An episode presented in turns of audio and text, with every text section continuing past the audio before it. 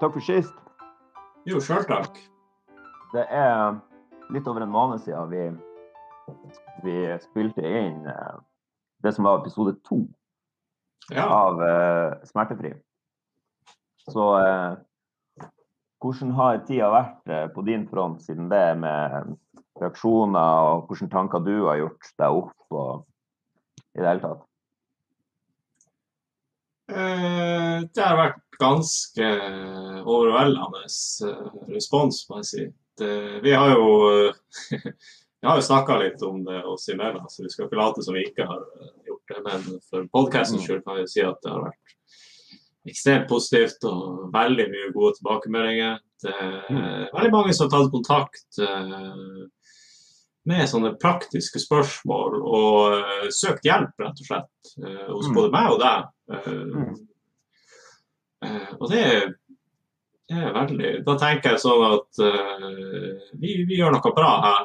Og uh, litt sånn som vi uh, snakka om, ikke sant. All den der tvilen og alt det her, ikke sant. Med å komme i gang og bare komme seg ut. Så når vi får den positive responsen vi har fått, så uh, ja, det er veldig, setter veldig stor pris på det, altså. Mm. Ja, det er jo noen eh, eh, par tre hundretalls mennesker som har eh, vært innom og hørt.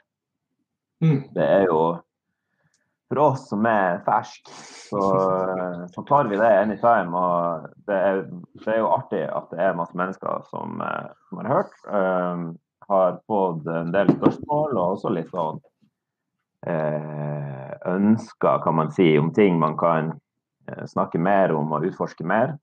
Mm. Og eh, så kan vi også litt sånn, referere litt til oss sjøl, kanskje. Ja. Vi, var, vi var jo innom en del ting på den eh, forrige episoden der vi snakka sammen. eh, som også blir en litt sånn påbegynt ny reise for oss begge to. Uh, F.eks. det der med å drive med isbad. Og for dem som følger Max på Instagram, FM bader han.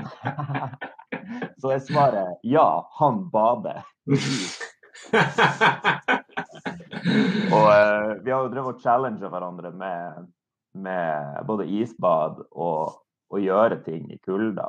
Og eh, ja, jeg fikk litt hakeslepp da du dorte på med en, eh, en video av deg sjøl som sto på ski i bare trusa. Du likte det, ja? Jeg likte det sånn. Det var inspirerende. Og som jeg sa til deg òg, det verste med det der var jo at det der var jo tredje turen. På grunn av på, på grunn av at på den første turen eh, som, så frøs jo, eh, frøs jo GoPro-en. Mm. Ja. Så jeg fikk jo ikke noe bilde. Og så eh, var det jo ute, ikke sant, på en, eh, Mm. en ny tur. Og det var jo, da var jeg bare sur, så det var jo ikke noe bra. Men så, uh, så dro jeg ut en annen dag, og eh, ja, jeg var ute og eh, Jeg så på videoen, jeg gikk jo i, gikk jo i over et kvarter i eh, nærmere ti minus, og litt Mm. snø og vind og sånn. Mm. Og det var veldig rart, fordi at det var ikke kaldt i det hele Ja. tatt. Og eh, jeg sto jo der og så det kommer frem på videoen, og som du vet, ikke sant, sendte litt selfier. og Mm. Mm. At det, det føltes jo bare rart. For det, i forhold til alt vi har um, alt vi har prøvd, liksom, med Wim Hof Method og hele den pakka der, så, eh, så følte jeg virkelig at der, der naila jeg det. Og jeg sendte deg òg den der eh, videoen. Uh, Mm. Hei, bro, nå når jeg var helt i ekstase. Eh, For jeg, har jo vært Jeg har masa litt på deg om å sjekke ut det der eh, sånn opp igjennom. Og, eh, og så hadde vi den sessionen her i romjula der vi, vi tok et eh, havbad her i Tromsø. Eh, nei, så Det var kult å se at du, du bare tok et sånn nytt steg. Og så var jeg veldig spent på hvordan du eh, responderte på hele den pustegreia. Og uh, som jeg sa litt i forrige podkast, og som vi sikkert kan eh, utbrodere litt om, så, så er den, eh, den greia vi snakker om, er, er jo en kjent sak. det er Wim Hof Method. Eh, en eh, hva skal man si, eksentrisk nederlender som har eh, forandra både sitt eget liv og masse andre folk sitt liv med eh, pusteteknikker og kuldeeksponering. Eh, og i hovedsak isbad. Og eh, det der var en sånn ting som jeg ble veldig interessert i da jeg hadde veldig vondt i kroppen. Da jeg hadde vondt i rumpa. Og eh, Eh, fordi jeg hadde hørt som sagt at, eh, at eh, metoden kunne hjelpe på, på sånne smertefølelser. Mm. Så jeg hadde, jeg hadde, perioder i min sånn smertereise der jeg faktisk fylte badekaret med iskaldt vann og liksom satt rumpa ned i badekaret. Eh, og hutra på den måten.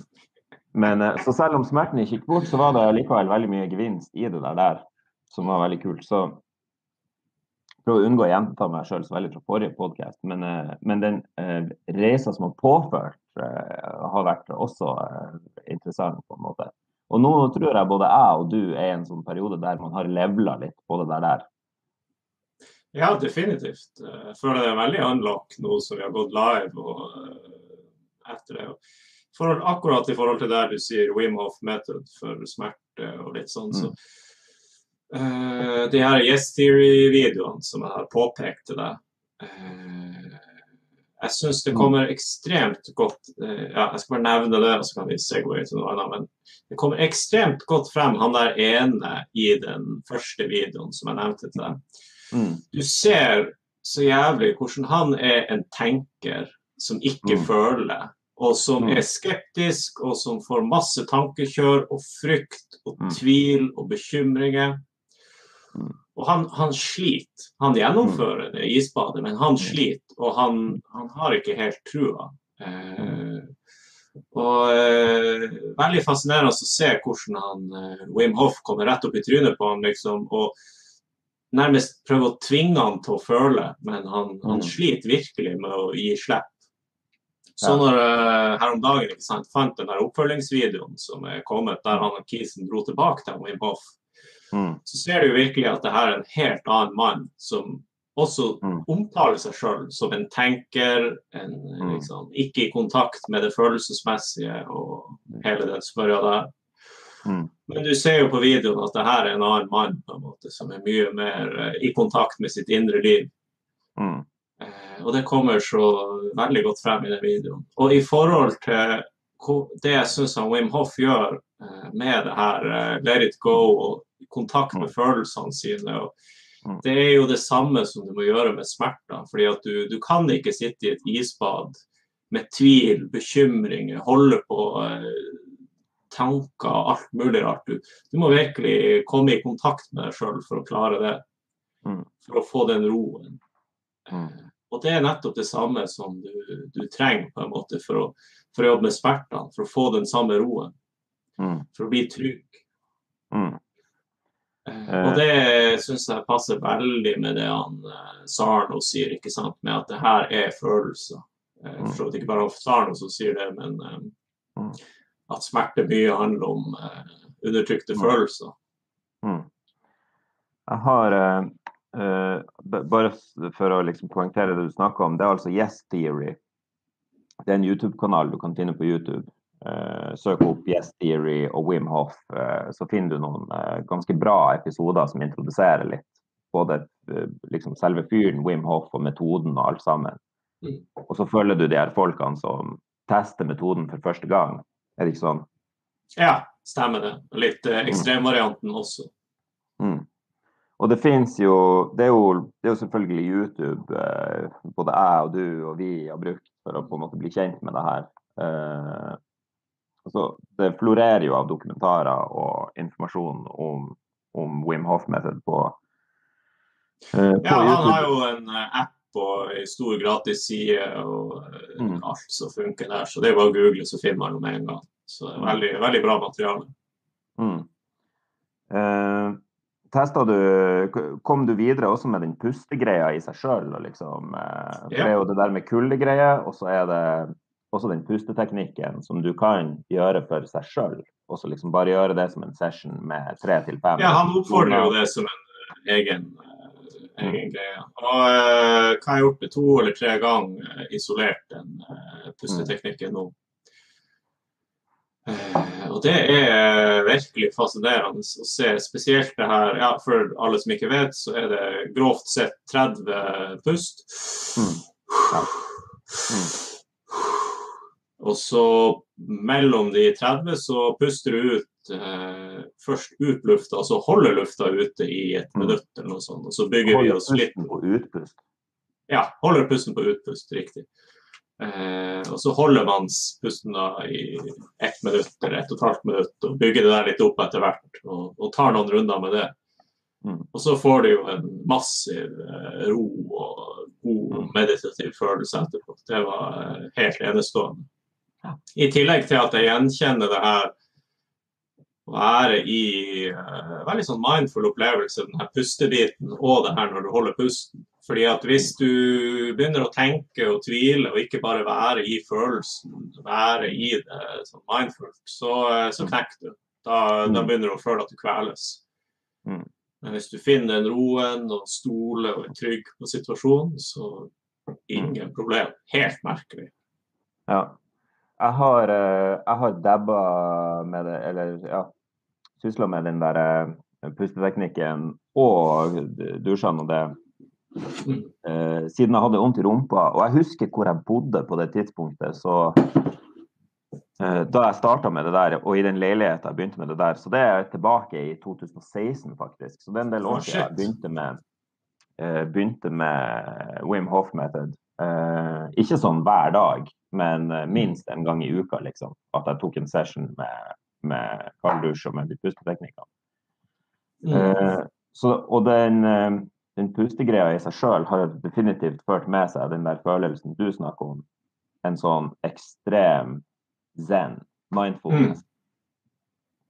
Uh, som er så behagelig at det, det, har jeg bare fortsatt med. Det er blitt veldig sånn integrert del av uh, ting jeg kan finne på å gjøre på kvelden før jeg skal finne ro. Uh, før jeg går og legger meg, liksom.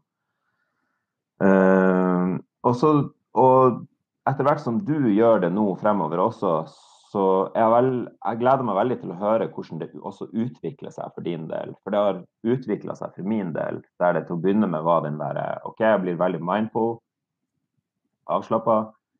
Og så etter hvert så har jeg fått sterkere og sterkere sånne altså kontakt med noe i hodet der jeg liksom kan uh, frembringe uh, Ikke jeg ser ikke syner akkurat, men det, det begynner å skje ting i, i hodet som, som, er på grensa til trippy.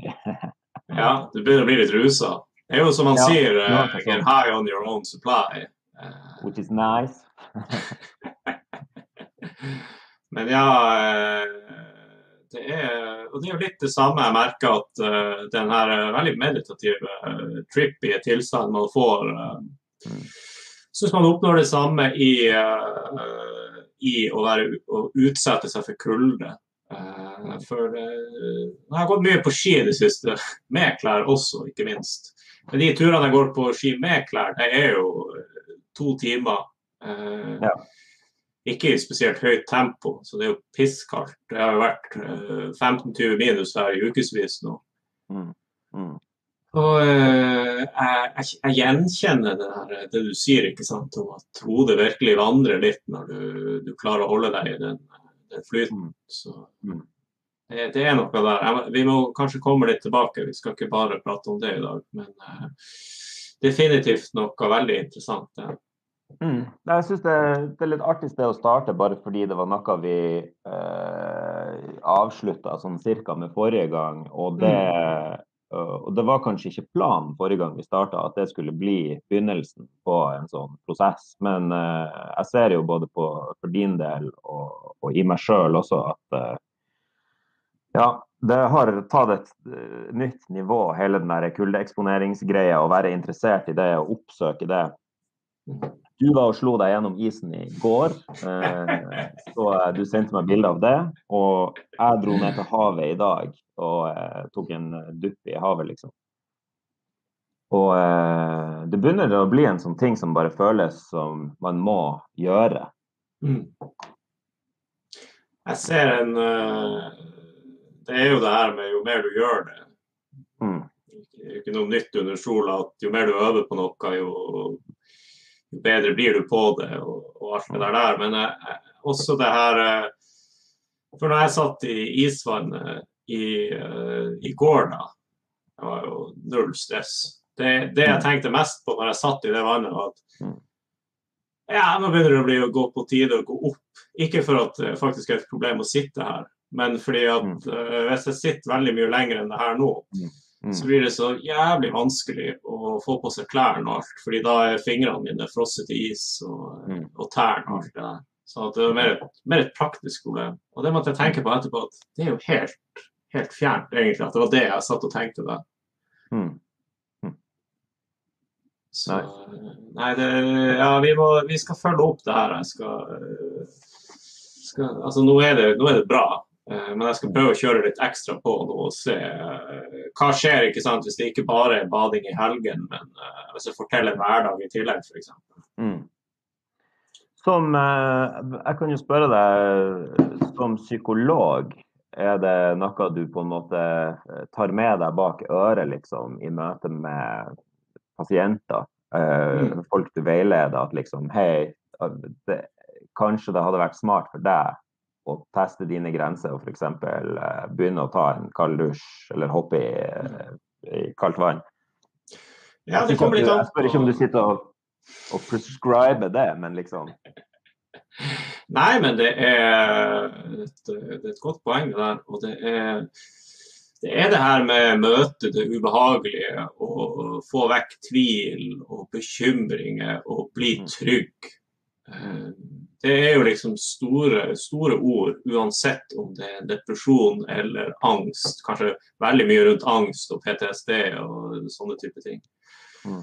Eh, sånn at eh, for oppskrifter for spesielt de her såkalte autonome reaksjonene, det er jo gjerne angst eller posttraumatisk stress eller traume, som mange sier, og, og de her tingene. Det, det er jo nettopp å møte det du er redd for, da, eller det ubehaget. Og, og det jeg syns er så genialt med Wim Hoff, på en måte, er jo at de forskjellige eh, tingene hans eh, tester jo det her, sånn som vi nettopp har snakka om. ikke sant? At Mm.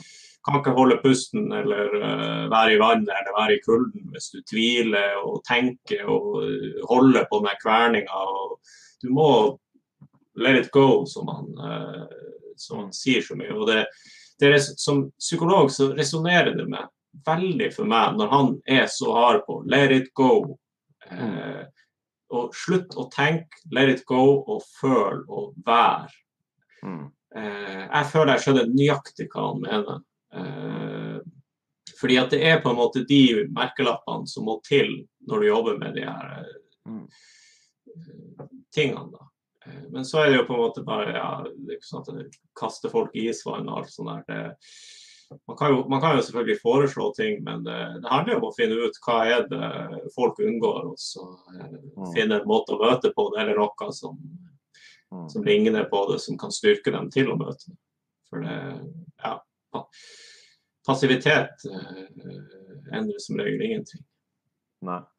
Og uh, let it go, som du sier, gi slipp på, på følelsen, har jo også vært eh, eh, Hvis vi går tilbake til smertemestring, liksom, så ser jeg jo det. Jeg tenkte ikke på begrepet 'let it go' da jeg var i den prosessen der jeg ble smertefri. Da var 'Let it go' tittelen på, eh, på en Disney-sang fra en Disney-film. Men, eh, men når jeg tenker tilbake, så ser jeg at det handler mye om å gi slipp på, eh, på de følelsene knytta til, eh, til smerten. Mm. Eh, og begynne å begi seg ut på ting som man eh, tidligere hadde latt seg skremme vekk fra da, pga. smerten. Eh, og det kan være så enkelt som, eh, som å og Jeg brukte å visualisere, og jeg gjør det for så vidt fremdeles, å lene seg inn i smerten, eller å slappe av inn i smerten. Mm. Mm. Du, eh, kjenner, skjønner du hva jeg mener når jeg sier det? Ja, jeg skjønner nøyaktig hva du mener. Jeg sitter her og tripper og har lyst til å kommentere, men fortell. Ja. Å lene seg inn i smerten, slappe av inn i smerten, uh, var en teknikk som jeg fant etter hvert uh, litt sånn i mitt eget hode. Fordi jeg merka det på måten jeg satt på. Som oftest måten jeg satt på, faktisk, ja. At jeg liksom Det er akkurat som jeg, jeg lener meg litt bort fra et sånn ubehag Ja, hele tida. ja. Og, hva er det du gjør? Hva er det du gjør? vondt og stramt. Mhm. Ja, og da, da, da er jeg jo redd for den smerten. Men Ja, så tenker jeg motsatt. OK, nå må jeg, jeg Vent nå. Den smerten her, det er ikke egentlig noe galt med ryggen min, sånn som vi har snakka om. Mm. Så jeg må liksom bare uh, slappe av inn i den der onde følelsen. Ja, bli trygg. Og så er det der inne at jeg liksom kan uh, slappe av og gi slipp, da. Og let it go. Og bli Ja. trygg. Uh, og, og når jeg gjør det, da liksom kan det begynne å gi tak. Ved siden av mentale, det mentale fokuset, den indre dialogen på at liksom Hei, jeg vet jo at det ikke er noe galt her. Jeg er bare Mm. veldig anspent. Så jeg kan lene meg inn i den følelsen. Men det at jeg sitter og unngår den, forsterker det bare. Det forsterker hele hodet mitt. eh, begynner å tro på at det her er farlig. og som igjen Unngåelse var merkelappen jeg ville ha. Ja. Unngåelse, ja. Mhm. Eh, men ja, med, med det sagt, unngåelse poengtert, så handler det jo om å eh, det, altså, face the fear, møte det som gir ubehaget, og så lene seg inn i det. Og fordi eh, det er så sterkt akkurat det du sier her. Akkurat vel, og du redegjør veldig praktisk hvor, hvordan gå frem. Og jeg kan jo si at Mm. hele tida, hvis man unngår, så er jo implikasjonen av den unngåelsen nettopp at det du unngår, er farlig. Derfor unngår du det. Det er jo sånn det her er liksom skrudd sammen. Eh, hver gang vi unngår en ting som vi er litt sånn uh, Mm. så blir det enda litt vanskeligere og enda litt mer sånn angstaktige greier hver gang vi skal eh, Mm. Hvis vi skal prøve å tilnærme oss det på nytt. Mm. Og ikke sant, Bare, bare lek litt med hodet.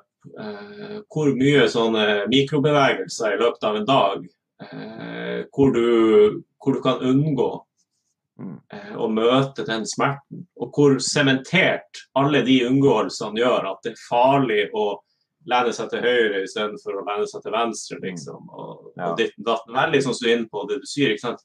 Du noterte deg at når du sitter, så, så den og masse ganger i løpet av en dag. Klart det Tenk eh, repetisjoner her og eh, ikke sant, antall øvelser. Det, da har man øvd veldig mye på, på eh, at noe er farlig. Det er farlig å bøye seg frem i, i smerter der, for da sier det pang i ryggen. Eller det er i hvert fall det som er implikasjonen. Og eh, vi får jo servert sånne narrativer hele tida. Eh, jeg syns jeg så det i, på forsida i avis for ikke lenge siden. Eh, sånn standard eh, VG, Dagbladet, litt tabloid overskrift. Eh, eh, eh, lege advarer mot å mokke snø, farlig for ryggen. Ja, og liksom alle de måtene å bøye seg på kommer med et narrativ om at det er farlig å bøye seg på den og den måten. Det er farlig å, å plukke opp vekt hvis du har krum rygg og alt det der. Så det florerer jo sånne narrativer rundt i hele vår uh, moderne samfunn om, uh, om hva som er farlig for ryggen. Og det danner jo et sånt bilde i hodet til folk, og det gjorde det i mitt hode også da jeg hadde de smerteplagene, om at ryggen er mye svakere enn den egentlig er. Uh, og en av de tingene som du og jeg snakka om, og som også kommer frem i, både i Sarno og også andre, er jo at menneskedyret hadde jo aldri klart å utvikle seg og klare seg og uh, i det hele tatt opp igjennom årene uh, hvis ryggen vår hadde vært så svak, eller kroppen vår hadde vært så svak at den ikke tåler å bøye seg for å plukke opp ting. Og, Og og det det jo- opp ting var jo hele Det var jo det, vi er skapt for. Det er veldig interessant det der, for at uh, veldig mye forskning ikke sant, fra uh, ja, 80-tallet og tilbake, kanskje. Så uh, da er jo på en måte meteren litt mer at ryggen er noen skrøpelige greier som, som slites ut og bare faller fra hverandre.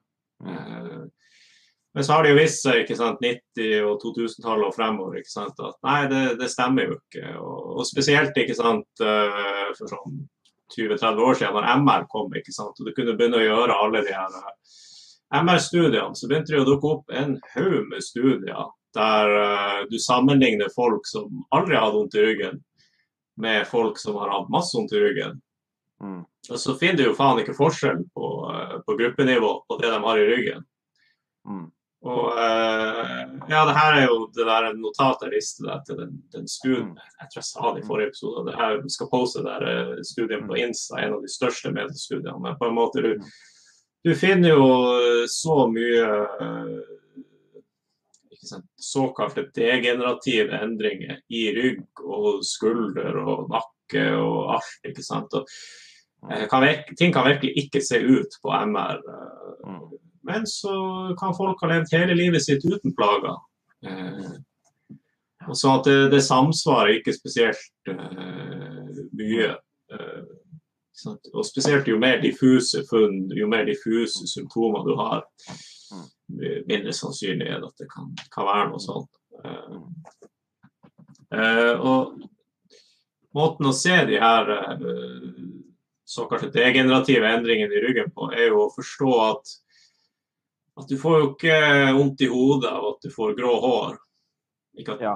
noen av oss har for mye grått hår, da, men jeg har ikke fått hodepine av å ha mista hår heller. Nei, nei, godt poeng. Uh, vi har jo ikke så mye rynker, men på en måte uh, ikke sant? Du har ikke noe får ikke vondt i huden av å få rynker. Mm. Ja. Sånn at Forstå heller at bare for at måten noe ser ut på, endrer seg og ser eldre ut, så er ikke det, så samsvarer ikke det med at det er ødelagt eller at det skaper smerte. Mm. Så at litt sånn grovt sett så er jo om du har en prolaps, eller om du har litt spondylose eller uh, generative endringer i ryggen. på en måte. Se på det som grå hår på Eller ryggraden sine grå hår eller rynker mm. eller uh, hva du har lyst til. på en måte. Ja, det var liksom i min prosess så var det en sånn ting som var veldig viktig å forstå. Det var, det var en del av det der eh, tankeskiftet som man må igjennom mm. Eh, ved å gå fra å ha de her eh, kroniske smertene til å bli smertefri, er å forstå de diagnosene der som naturlig wear and tear, som kommer med alder, som alle kommer til å få. Alle blir å se sånne ting i forskjellig grad. Jeg har sannsynligvis allerede. Ja. Og uh, ikke sant, MR-bildene mine var prolaps, degenererte ryggskive. Noen leger som sa at uh, selvfølgelig har du vondt i ryggen, for ryggen din er helt nedslitt. Og, uh, og med det forrige paradigmet om at Der jeg trodde på at det er grunn til smerte. Ja, når du har lest sånne avisartikler sånn som du ja. nettopp nevnte, masse skremselspropaganda, og så får du en sånn spiker i kista fra en lege. Mm, Herregud, man, ja. man blir jo helt knust. Uh, påfølgende uke altså, Og det som igjen påvirker det samme smertebildet eh, i en forferdelig verre grad. Mm. Men ikke sant, så begynte den prosessen med å sette seg inn i okay, psyken og kroppen. Uh, hod, altså, det foregår ting i hodet som påvirker kroppen, og vice versa. Mm. De samtalene du og jeg hadde. Uh, og det handler jo også mye om å forstå at skade er ikke det samme som smerte. Det tror jeg du var litt inne på forrige gang. Mm. Uh, men eh, man, man, kan ha alle de her greiene eh, uten at eh, smerte trenger å være synonymt med det, på en måte. Nei, det trenger ikke å være det i det hele tatt. Det er veldig mange som eh, ja. Mm. Uh, og så kan vi koble det her på det du sa om å bøye seg hit og dit og unngåelse og alt. Klart. Mm i det, hvis, i det, gamle paradigmet så gir det jo mening at hvis du tror ryggen din er helt mm. fucked, eh, mm. klart Når noen sier til deg at uh, ja, du må bare ikke sant, uh, eksponere deg hit og dit og kunne bøye deg igjen sånn. Mm. Du stoler ikke mye på ryggen din da. Du stoler Nei. ikke på din egen kropp. Og hva skjer da? Tvil, bekymringer da, da, da, Og så er vi over på hele den der Wim Hoff, let it go og alt sånt. Mm. Mm. Da syns det kommer veldig fram hvordan at du må gjøre det skiftet til å tenke at det er ikke et strukturelt problem. Det er ikke den her eh, prolapsen eller eh, artrosa eller ditten datten.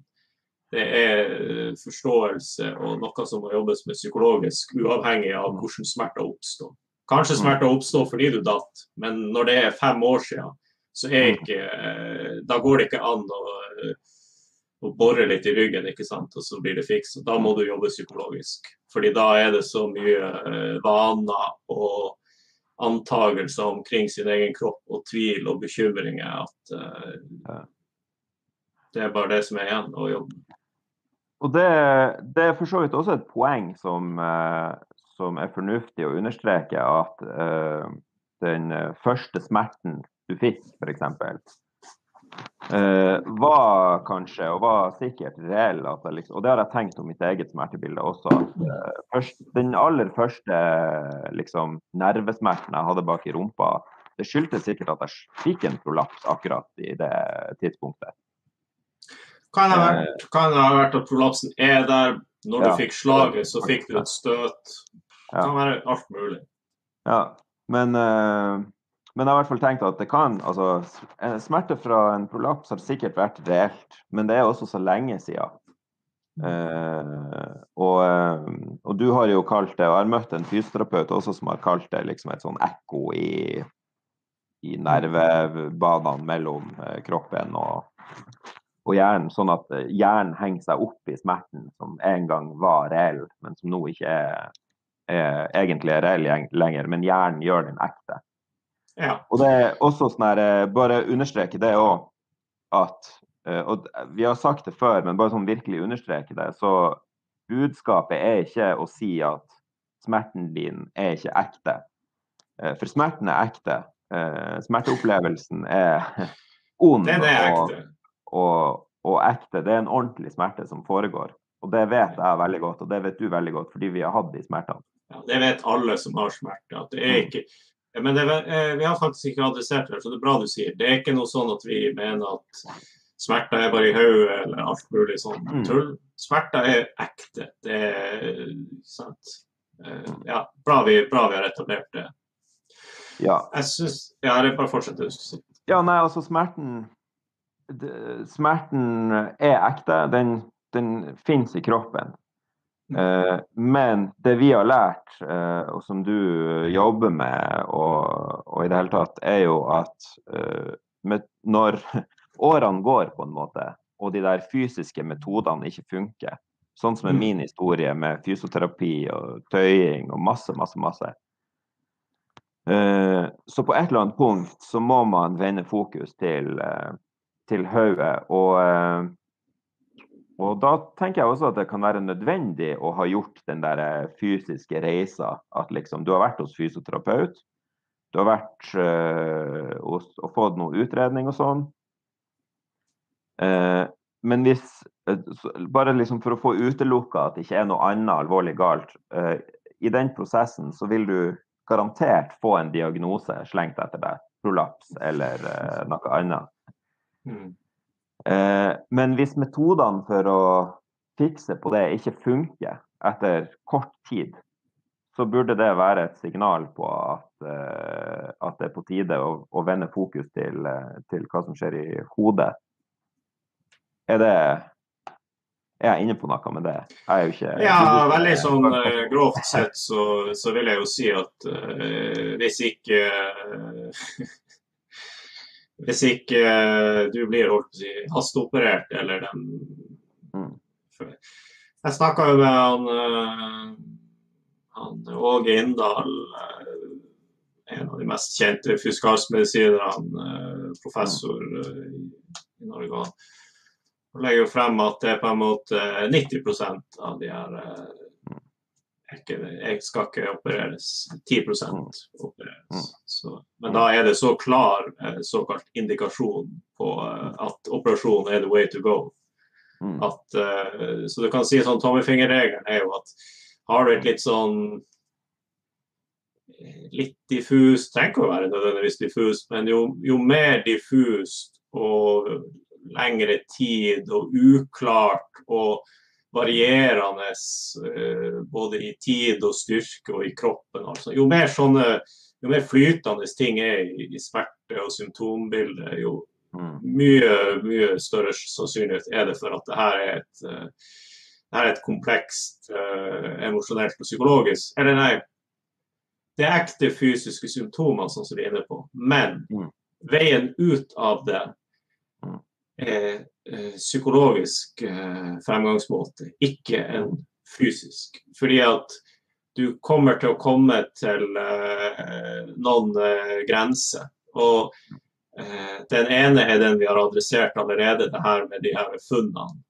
Mm. Hvis du ikke hvis du ikke kan endre din tanke om at en prolaps ikke kan være der uten at det er farlig eller skade, eller at man er liksom at man, man er ikke ødelagt bare for at man har en prolaps eller et eller annet sånt. Hvis ikke du kan gi, gi slipp på at ja, men jeg har den prolapsen, eh, Mm. da, da du, du kan ikke komme videre da.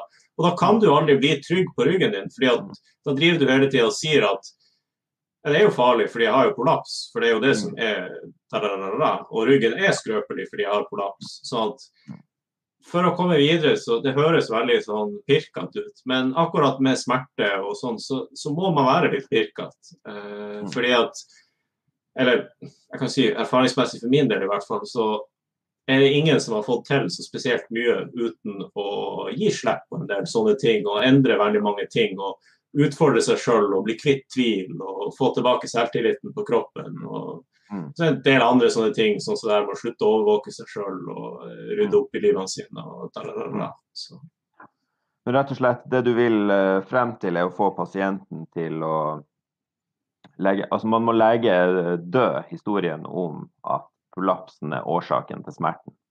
ja. Selv om det det- er veldig veldig naturlig for de aller fleste å tilegne prolapsen skylden for den langvarige smerten. Og Ja. eh, jeg kan også bare litt sånn her story som jeg har opplevd, eh, opplevd de siste par ukene etter at vi med podkasten og det der. Eh, forskjellige typer tilbakemeldinger. Et menneske forteller jeg har masse smerte i Og det er faktisk sånn eh, korsrygg, rumpesmerter som jeg har hatt alle. Eh, og nevner masse livsstress. Vedkommende ser sjøl at jo da, jeg, jeg ser jo at det her livsstresset sikkert kan påvirke, men, sier vedkommende, jeg har jo prolaps, så det er mest sannsynlig det. Mm. Eh, og så sitter egentlig jeg og tripper litt og tenker det at nei, eh, den prolapsen har du levd med lenge, og kanskje lenger enn du, du har vært klar over. Mm. Og det går faktisk an eh, å vende hodet av den smerten som du tilegner prolapsen. Det her jeg syns det er så fint å snakke om det her ekkoet. For hvis du ikke har lyst til å snakke om uh, følelser og livsstress og alt Mm. sånt der, Ja. Så kan du få eh, så kan du få drite i å snakke om alt det der. Og så kan vi si OK, greit, se på det som et ekko, da. Men hvis du har et ekko i nervesystemet ditt, Mm. eh, hvordan har du tenkt å bli kvitt det? Mm. Da eh, hjelper det jo ikke så mye å gjøre noe med nøyaktig der du mener årsaken til ekkoet sitt. For ekkoet La oss si det var ryggen, da, så kan vi litt sånn billedlig se for oss at ekkoet går mellom hodet og ryggen. da. Mm. Hvordan blir du kvitt et ekko i nervesystemet? Hva er det vi har som vi kan gjøre med nervesystemet? Jo, det må jo være noe psykologisk orientert, på en måte. Og, Mm. og hvis du skal bli kvitt et symptom, så må du jo jobbe psykologisk på en måte med å bli trygg. Da er det jo den eneste. Å slutte å Mm. bry deg om det stim, liksom den lyden i kroppen. da. For det er litt sånn som lyden i bilen, på en måte. Mm. Du må, eh, du må bestemme deg for at den rare lyden i bilen det er ikke noe farlig. eller Jeg skal gi faen i den. Du, du, kan, du kommer ikke til slutt slutte å legge merke til den lyden uh, inntil du har liksom Mm. Ja, ferdig.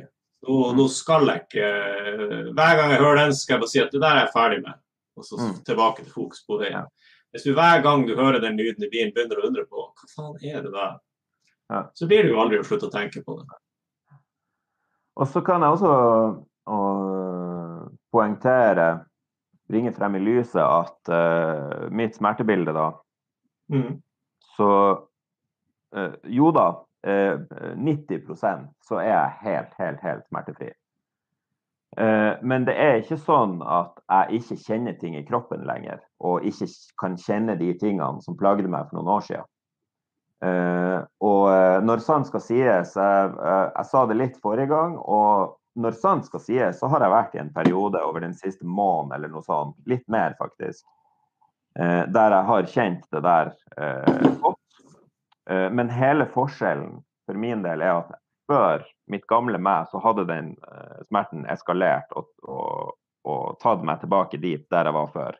En mm. voksen mann som, uh, som kollapser i gangen uh, etter tur og ligger og gråter, liksom. mens der jeg er nå, er at ja, jeg kjenner det, og ubehaget er der, men jeg vet jo at det ikke er farlig, og, og så kan jeg begynne å lete etter de psykiske grunnene til hvorfor det er sånn og mm. snakke med meg sjøl i mitt hode, meditere på, eller uh, kall det hva man vil. Uh, hvorfor, uh, hvorfor, får jeg denne anspentheten nå for tida? Hva er det? Og liksom, nå er vi i slutten av januar. Det her begynte litt før jul. Julestress og jobbstress, innspurt. Eh, og så masse sånn tilbake til eh, hverdag etter jobb, liksom. Eh, koronatid med usikre tider og alt det her. Livsstress. Jeg ser, jeg ser en eh, av mange, mange ting. Livsstress, ja. Som, eh, som bygger seg opp som, og lager en sånn eh, turmoil inne i, eh, inne i, meg, da, som jeg kan føle av og til. at liksom, Jeg kjenner det at egentlig så er jeg mer irritabel nå enn jeg gir uttrykk for. Mm. Uh, og jeg gir ikke uttrykk for å være irritabel, så det manifesterer seg heller i en eller annen sånn kroppslig følelse. Mm. Uh, men fordi jeg fikk en kommentar fra en person etter hun hadde hørt de podkastene, og, og, hun sa det er så fascinerende at du er blitt helt smertefri. Eh, og det er nesten sant at jeg er blitt helt smertefri, men sannheten er egentlig at eh, jeg kan ha smerter, jeg også.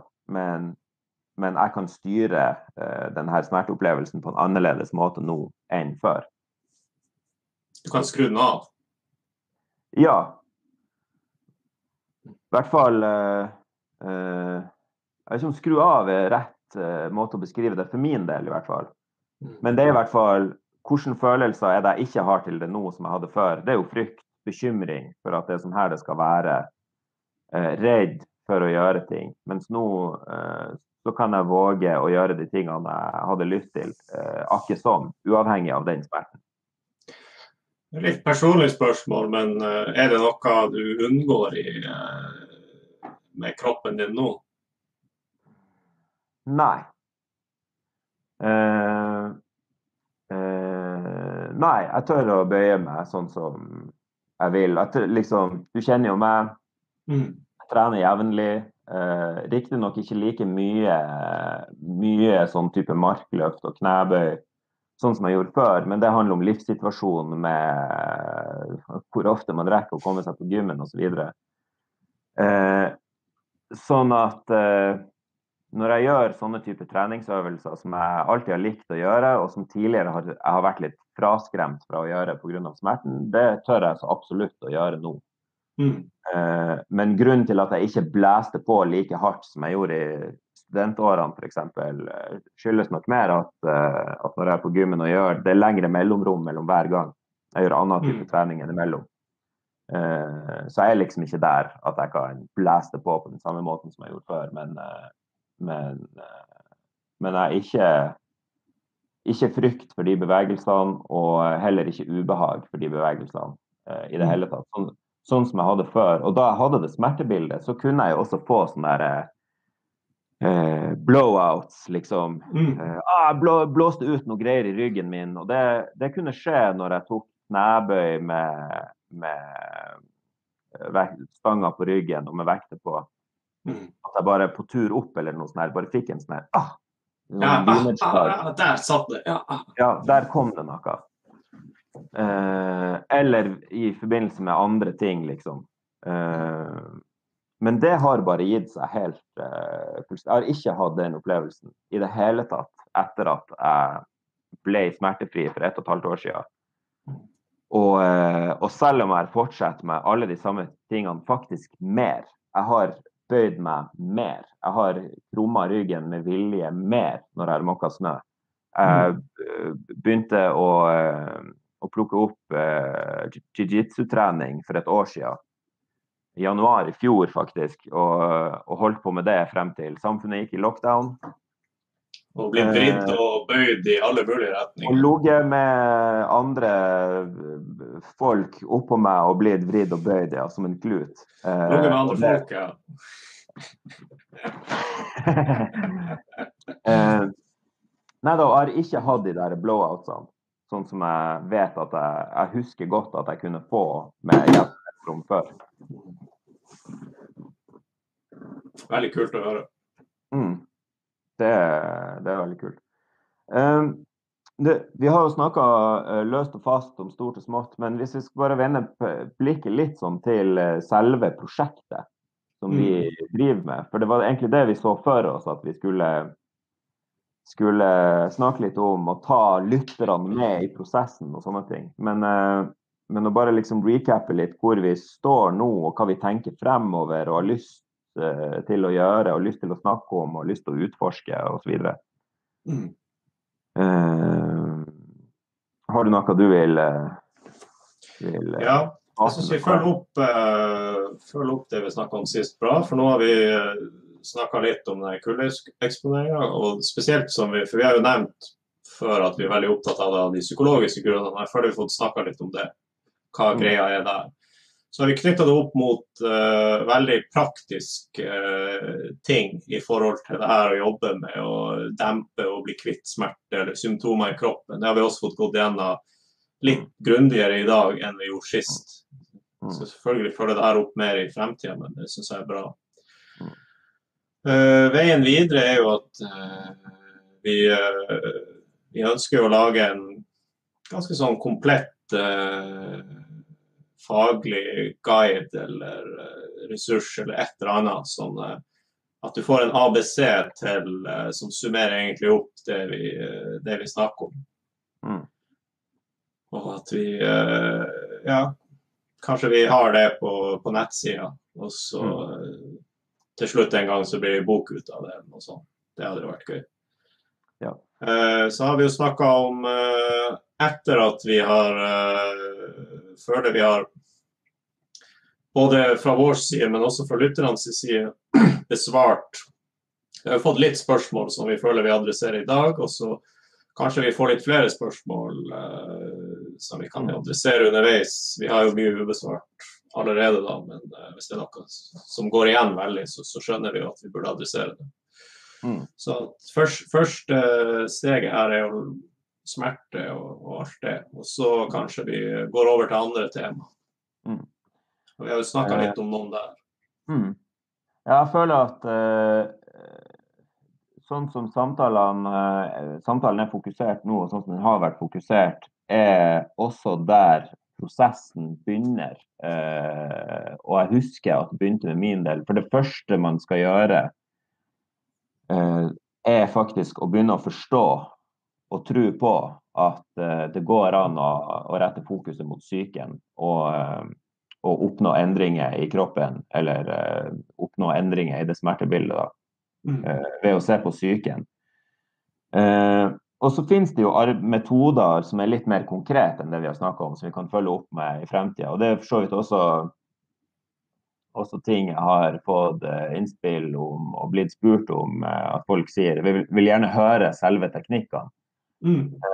Og det er noen teknikker, ja, men selve teknikken ligger i en forståelse, faktisk det ligger i et sånn paradigmeskifte å forstå eh, sammenheng. At liksom hode og kropp eh, henger sammen, og det påvirker hverandre. Ja, for det syns jeg vi har snakka om godt i, godt i dag, mm. som, en, som en smakebit på det. Mm. Og så kan det jo tenkes at vi følger opp med en, eh, en fokusert Q&A. Eh, det er folk som har hatt spørsmål Mm. Eh, du har eh, sikkert gjort det samme, men jeg har oppfordra til å bare sende melding med spørsmål eh, enten på, på PM på Instagrammen vår, smertefrigram, eller til oss personlig, hvor som helst egentlig. Så noterer vi oss spørsmål. Så gjør vi nok en episode der vi, der vi rett og slett åpner spørsmål og så svarer på spørsmål. Og det er alt fra hvilke teknikker man kan bruke, hvilken type smerter er det dere snakker om. Uh, jeg tror vi jeg, kommer fra korsryggsmerte, du kommer fra en skuldersmerte, og jeg tror du finner denne smerten i alle mulige smerter i kroppen. ja, jeg, jeg, kan bare skyte inn ja, smerte ja. og symptomer i kroppen. Så mm. om du har migrene, eller om du har mage-tarm-problematikk, eller om du har rygg eller kne eller ankel eller håndledd, eh, om du tror du har tennisalbue, eller om du tror du har uh, musearm og, eller skulder, eller om du tror du har whiplash, eller om du tror du har ME eller fibromyalgi, eller uh, alt mulig rart. Uh, hvis du er åpen for å utforske sammenhengen mellom det psykiske og det fysiske, så uansett plager, ta, ta kontakt. Ta kontakt og stay tuned. Og, uh, og det her er også, jeg vil også bare si at uh, det at vi gjør det her i seg sjøl, er en del av min egen smertereise. Fordi jeg ble smertefri, og så har jeg liksom bare hengt meg opp i å snu hele den historien der. Eh, eh, sånn at, at, jeg sitter her og snakker med deg, eh, en psykolog eh, som hjalp meg på min reise, og at vi deler budskapet og i det hele tatt eh, er med på å hamre i hodet mitt at den smerten som jeg har levd med, det, det kommer derfra. Mm. Eh, så jeg ser på det som en del av min fortsatte reise. Understreker også at det ikke det er en sånn life life journey. Det er en livsreise. Mm. Det er ikke en quick fix eller noe sånt. Det er en, en innstilling, en forståelse som man plukker opp og tar med seg, og så Når man liksom har åpna den døra, eh, så, eh, så må man liksom gå den stien. Eller det er med deg resten av livet, antageligvis. Mm. Eh, også litt sånn herregud. Eh, jeg, jeg, husker jo hvor mye frustrert jeg var i min, den siste halvdelen av mine 20 år. For jeg fikk mine smerter i 25-26-årsalderen. Mm. Dette var år jeg hadde store planer for i forhold til trening og liksom, eh, ting jeg hadde lyst til å trene på osv. Eh, som ikke ble sånn som jeg hadde tenkt. Eh, og jeg håper inderlig at det finnes eh, unge voksne som uh, hører på det her, og som får en annen forståelse av kanskje det smertebildet de nettopp har pådratt seg, som kan hjelpe dem. Jeg skulle ønske at den kilden her fantes for min del da jeg var på den alderen. Mm. Ja, jeg syns det er en, en, god på en måte tanke at det vi skaper nå, er det jeg skulle ønske jeg hadde tidligere i livet. Både, både, det vi tenker om rundt smerte og litt sånn psykologi og livsstil som vi kommer mer på etter hvert også. Men det, kanskje det er det som er en god måte å si at uh, liksom, det vi lager her, er det vi skulle ønske vi fikk inn med teskje når vi var 20. Mm. Sånn at vi var klar for det senere i livet. Mm. Nei, så med det så tror jeg vi bare sier uh, folkens, ta, ta kontakt. Uh, I'm Badehan, got your back. ja, uh, smertefri podkast uh, at smertefri gram på Instagram. Uh, at mbadehan og at eget bede på Instagram. Bader Hansen-klinikken på uh, hva det heter internett. ja. Det her kommer jo også på, uh, på YouTube. Uh, søk opp uh, Smertefri podkast. Der også finner du på Kommer på YouTuben min, eller hvordan du gjør det. det ja. ja, men bra. Right. Until next time. Yeah, it's not good.